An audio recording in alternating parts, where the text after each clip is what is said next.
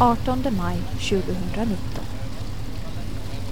Om det händer en större olycka i de åländska vattnen, då riktas hela världens blickar hit. Då blir åländsk media i fokus, så det är av största vikt att den åländska pressen utbildas och har förståelse för vad som händer. Det här förklarar Kim Westman. Han är stationschef för Ålands sjöbevakningsstation. Det här är orsaken till att Ålands Radio fått inbjudan att medverka under en stor evakueringsövning arrangerad av Ålands sjöbevakningsstation, samarbetsmyndigheterna och frivilliga organisationer. Sist man övade så här stort var tio år sedan.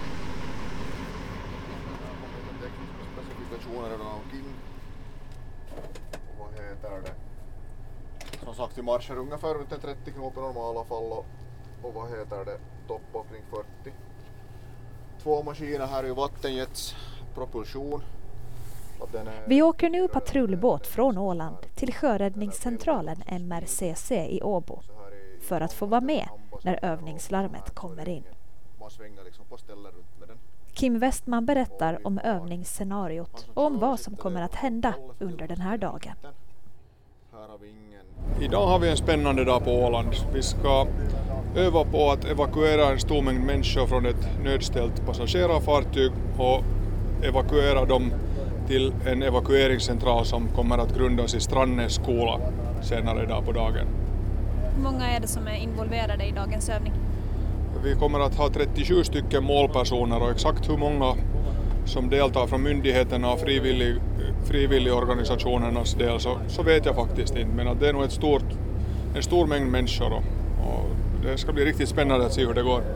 Vilka myndigheter och organisationer är involverade idag? Förutom sjöbevakningen då som är den ledande sjöräddningsmyndigheten i Finland och på Åland också så är det Räddningsverket som kommer att delta och polisen.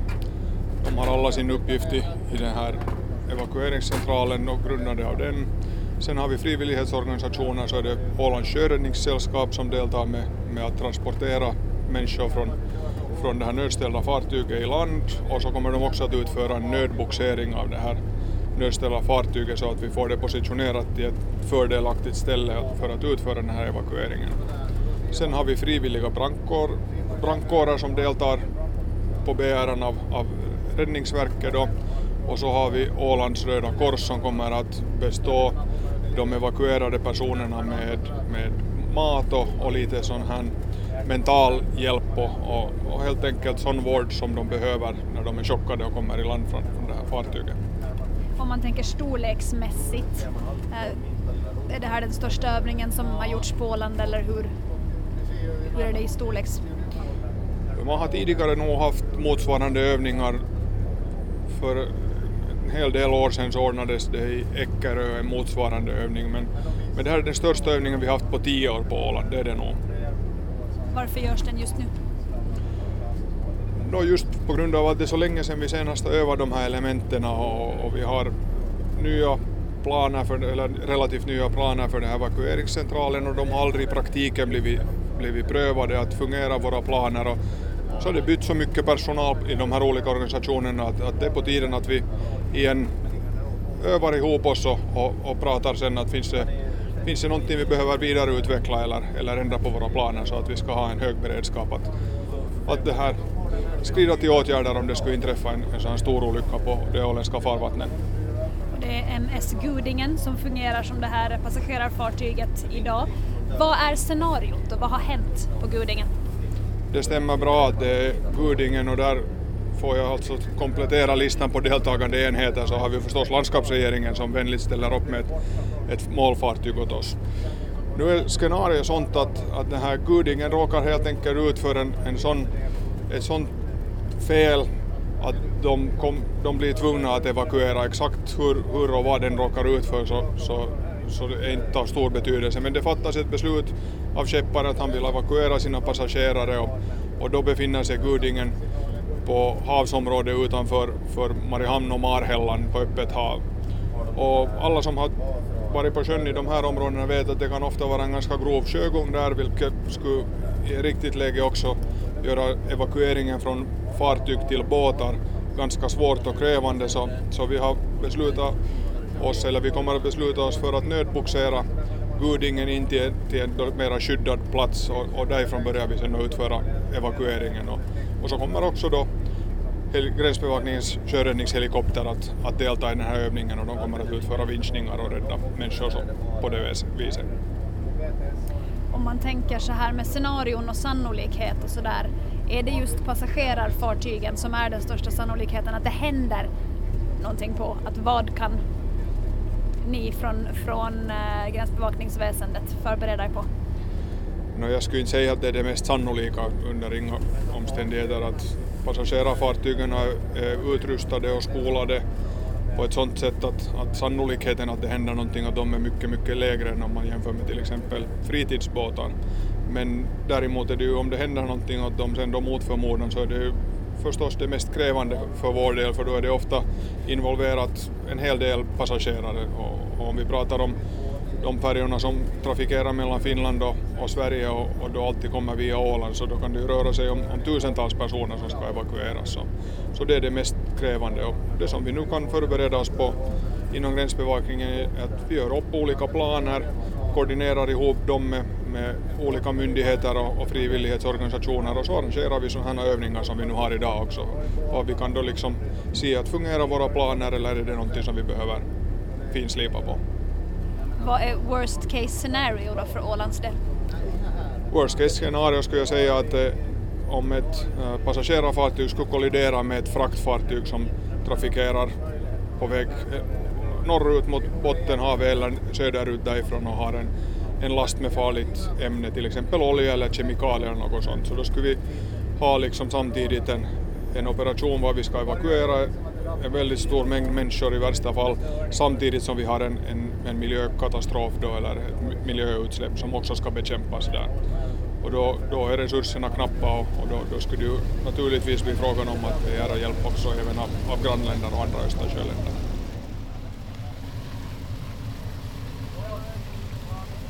Ja, och vi kan ju säga som att den här centralen är som princip uppdelad i, i, i två delar. Den vänstra sidan är sjöräddningssidan och högra är då fältsidan eller det här operativa dagliga arbetet inom västra Finland. Framme på MRCC, Marine Rescue Coordination Center i Åbo, träffar vi sjöräddningsledare Torbjörn Enroth. Jo, vi delar det här huset med ganska många olika, olika myndigheter och, och, och andra skolor och grejer här. Vi kom ju hit 2013 flyttade vi hit så vi har varit här nu fem sex år. Och, och en gammal fastighet som har blivit renoverad. Och, så att det är ändamålsenliga utrymmen för oss. Och eh, MRCC här i Åbo, ni har ju ett väldigt stort område där ni utför sjöräddningar. Vad är era största utmaningar? Största utmaningar är att det är väl att det ja, man vet aldrig när, när olyckorna kommer och det gäller att vara förberedd, förberedd hela tiden för att det värsta kan hända när som helst. Hur många är ni som jobbar här? Vi, vi kör med minst fyra i vakten hela tiden och dygnet runt. Och ni har ju också Åland som ert område och det är ju därför som eh, vi är här. Um, Ålands självstyrelse påverkar ert arbete lite. Vill du berätta om det? Uh, ja, Ålands självstyre påverkar ju lite ja, att det är ju demilita demilitariserat område och det orsakar ju att vi gäller att ha lite koll, extra noga koll på området att inga obehöriga kommer och, och kränker gränserna på, de, på, på den sidan. Och ni har också hand om de internationella uppdragen inom sjöräddningen. Vill du berätta om det här? Ja, vi är ju så att säga internationell kontaktpunkt för, för sjöräddningen. Att det, det innebär ju att äh, då finländska fartyg som är ute i världen och seglar och har problem så, så kan de ta kontakt hit och, äh, och sen är det då utländska sjöräddningscentraler främst som är i kontakt till oss då de vill ha information om äh, finländska fartyg och båtar som seglar på på alla de sju haven. Så ni kan få ett nödsamtal från andra sidan jorden, vad händer då? Ja, här kan vi få, här kommer nu och då kommer att det med till kännedom åt oss att finska båtar är i, i nöd på, på, på, på andra sidan jordklotet. Att det, att det är ju inte på det viset orsakar det ju inte oss så, så stora jobb utan vi kontaktar ju då anhöriga här och att vet de något mer om, om, om deras anhöriga som är ute och seglar eller dylikt så vi, vi är i kontakt med det och rederierna dylikt. Men vi säger nu då att det går ett larm på Åland, det har hänt en olycka. Vad händer då? Vad finns här i Åbo och vad finns på Åland? Ja, då kommer alarm hit då, så, så då tar ju sjöräddningsledaren beslutat vad som ska göras, vem, vem han skickar dit till utföra uppdraget och då spelar det inte någon roll om det om är här i Åbo eller om det är på Åland, bara vi använder då de lokala enheterna som utför uppdraget. Men vi säger nu då larmet kommer in, vi står här och tittar på, ja vad är det vi tittar på? Ja, vi, vi, vi tittar över här nu, lednings, sjöräddningscentralen här och, och personerna som är i jobb för tillfället har vi en eh, sjöräddningsövning på gång på Åland. Så, så arbetskompisarna har, har fullt upp här för tillfället att leda och koordinera enheterna som, som, är, som är i, i tjänst nu då och, och övar. Mm. Så där har larmet kommit in och då har det kommit till en man som sitter här i ena delen av rummet vid två stora skärmar. Ja, här är vår sjöräddningsoperator då som har tagit emot samtalet och, och fått uppgifter över vad som har hänt på plats och, och han har förmedlat det till sjöräddningsledaren som har fattat beslut i, i, i vad som ska göras. Och, och, och sjöräddningsledaren då har beslutat vad, vilka enheter han kommer att använda, använda till uppdraget och, och, och vad som ska göras framledes. Så vad jag förstått nu så är kanske första enheterna på, på plats här redan. Så larmet har kommit till en operator och sen så blir det då sjöräddningsledaren som direkt går in och fattar beslut? Ja, han, är, han, är, han sitter ju här bredvid, bordet bredvid, så han, han, han fattar då beslut att vad är det för sorts uppdrag och, och vad, vad, kommer han till göra? Vad har han för, för plan då till att få uppdraget utfört? Och det finns en sjöräddningsledare per område, så om det händer något på Åland så sitter alltid sjöräddningsledaren här, visst är det så? Ja, han är, är så ja då. Eh, hela området då från, från, från Hangö upp till Torneå med Åland inkluderat så är sjöräddningsledaren sitter här i Åbo. Den sjöräddningsledare som sitter här kontaktar sen då alltså åländska eh, myndigheter och så vidare? Ja, det gör han ju. Att han är ju sjöräddningsledaren som begär hjälp och med sånt som, som, som behövs hjälp av åländska myndigheter så då är det i kontakt härifrån direkt till Åland. Är det först och främst härifrån som hjälpen för eller finns det, jag tänker sjöräddningen på Åland till exempel? Ja, nej, är klart, vi använder ju så att säga lokala, lokala enheter att, att händer uppdraget på Åland så då är det ju åländska, åländska enheter som utför uppdragen då. Frivilliga sjöräddningen och, och, och då sjöbevakningsstation i Mariehamn som, som rycker ut. Eller på, på, på Köka då, där sjöbevakningsstation också är. Och det är en hel del personer som vi tittar på här. Vill du berätta vad, vad alla gör? Ja, no, vi har ju då på, på centralen har ju som i princip två delar, två delar den här sjöräddningssidan då med sjöräddningsledaren och, och, så har han då beroende på, på, på läge att med personal att det är minst en operator som sköter radiotrafik och tar emot telefonsamtal men han har, det finns en annan operator också då personalläget tillåter. Så, eh, en, och så har vi då en eh, så att säga AKO som heter som sköter och dirigerar eh, flygande enheter då vid stor olycka. Då är man frågan om, eh, om många, många flygande enheter så är det en, en, en sån här aircraft coordinator som, som sköter om de flygande enheterna. Sen har vi den här eh, uh, sjöbevaknings operativa, operativa sidan då med fältchefen, fältchefen som sitter med ett bord och har en lägesövervakare där i, i hörnet som kör radar och kameror och håller koll på, på fartygstrafiken. Och sen har vi här, här sista bordet, då har vi det här analysbordet som vi har samarbete med tullen och, och våra, våra gäng som då sköter om de här analysfunktionerna, risk, riskkartlägger fartyg och, och, personal som kommer in och ut i Finland. Och eh, sen, hur bedöms det när själva sjöräddningen är över och vad händer sen? Ja, då är ett uppdrag är utfört då så är sjöräddningsledaren som då, då beslutar att när det är slutfört att det avslutar uppdraget och enheterna går tillbaka till sina egna hemmahamnar. Och vad händer sen? Vem tar över? No sen då om normalt, normalt uppdrag då så då är det ju, då är det ju frida fröjd. Den olycksställde då har förhoppningsvis kommit tryggt i hamn och fortsätter sitt vanliga liv. Mm. Men jag tänker sådär när det var, om vi tänker det här worst case scenario och det är flera som har evakuerats och så vidare.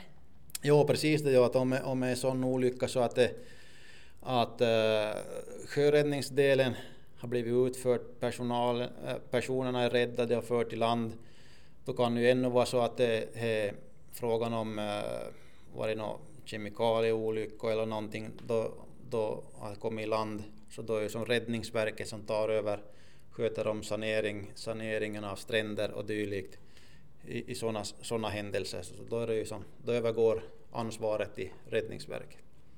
Och för de evakuerade då kanske till evakueringscentralen? Ja, då, då, om det varit sånt att de blivit överförda till evakueringscentral då är det ju som, som sjukvård, sjukvården som har tagit hand om dem och, och ser till att de får vård och, och då, då är det på deras, deras ansvar sen vidare. Ni får 3000 uppdrag per år här ungefär på MRCC. Hur många är från Åland? Ja, jag har nu inte riktigt koll vad som direkt kommer från Åland. Vi har som 3000 uppdrag per år ungefär, lite varierande. Av dessa så ungefär 1000 kanske som är riktiga sjöräddningsuppdrag, övriga är annat, tjänstehjälp åt olika myndigheter och så vidare.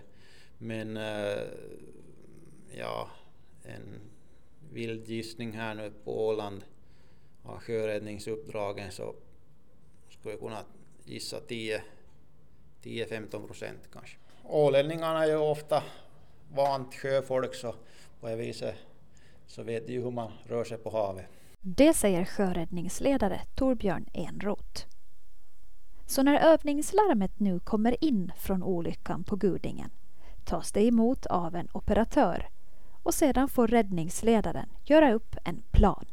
Och planen i det här fallet blir att flera båtar och en helikopter, Rajahako 100, mer känd som Superpuman, ska evakuera passagerarna från Gudingen.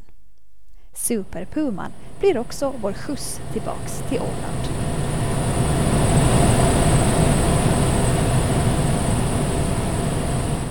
Ombord på Superpuman finns två piloter, en mekaniker, en ytbärgare och en primärvårdare. Vi passerar olycksplatsen där flera passagerare ska evakueras från Gudingen. Tre personer sitter i en livflotte och två personer flyter i vattnet. Människorna som evakueras från olyckan med båtar tas till Birka-terminalen i Mariehamn. Orsaken att just den terminalbyggnaden valts till ändamålet är att den går att spärra av. De evakuerade, chockade människorna behöver på det viset inte möta media det första de gör efter evakueringen och de kan hållas isolerade och varma. En buss för de evakuerade personerna från Birka-terminalen till evakueringscentralen i Strannäs skola. Vissa evakuerade de som har varit i vattnet och i livflottar, kommer direkt med Superpuman till Strannäs skola. Vid evakueringscentralen vid Strannäs skola norra har flera frivilliga gjort sig redo. Vi möter personal från Strannäs frivilliga brandkår, Röda Korset och från Räddningsverket. Räddningsledare på plats är Ted Andersson som berättar mer. Nå, här händer det. Vi har ett evakueringscenter här i Strandnäs skola och det vi gör här är att ta emot evakuerade då som kommer från, från den här övningen. Då. Hur många är ni på plats här idag? Vi är väl ett tiotal från räddningstjänsten plus polis och från gränsbevakningen också. Då. Och vad har ni fått veta nu? Det vi, det vi har fått veta är att vi har nu samtliga evakuerade och alla är på väg hit. Och vad kommer att hända när de kommer hit? Vill du berätta om processen från att de kommer till? No, de kommer, I det här fallet så kommer de med första evakueringen skedde till Birkaterminalen i Västra hamnen och därifrån så eh, forslades de hit med buss då till Strandnäs skola. Och i det här fallet så var det inga några personskador så att de registreras här av polisen och skickas vidare då. Och nu kommer de att komma med eh, både buss och helikopter om jag har förstått det rätt? Jo, de kommer att komma både med buss och även helikopter i det här fallet och för vissa evakuerade från eh, livflottar med helikopter då vinschade. Vi väntar på att de ska anlända. Vi väntar att de ska anlända, jo. De evakuerade anländer så småningom till Strandnäs skola.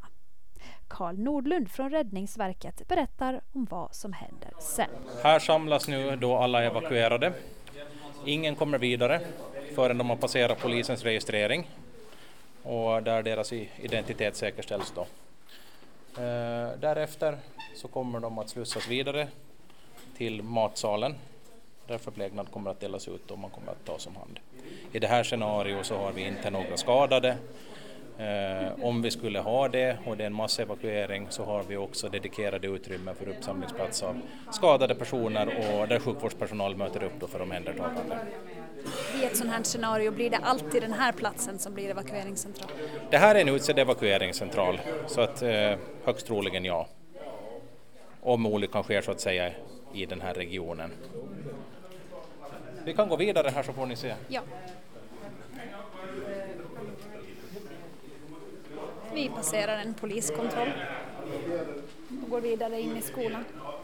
Då är det, då är det tvungen att prata med polisen för det är de som ansvarar för den. De, de kan inte släppa det där, det är för polisen.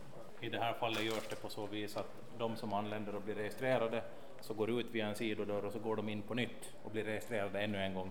Det här är för att vi ska skapa ett högre flöde då. Så att ni övar för fler personer än vad det är här idag? Exakt.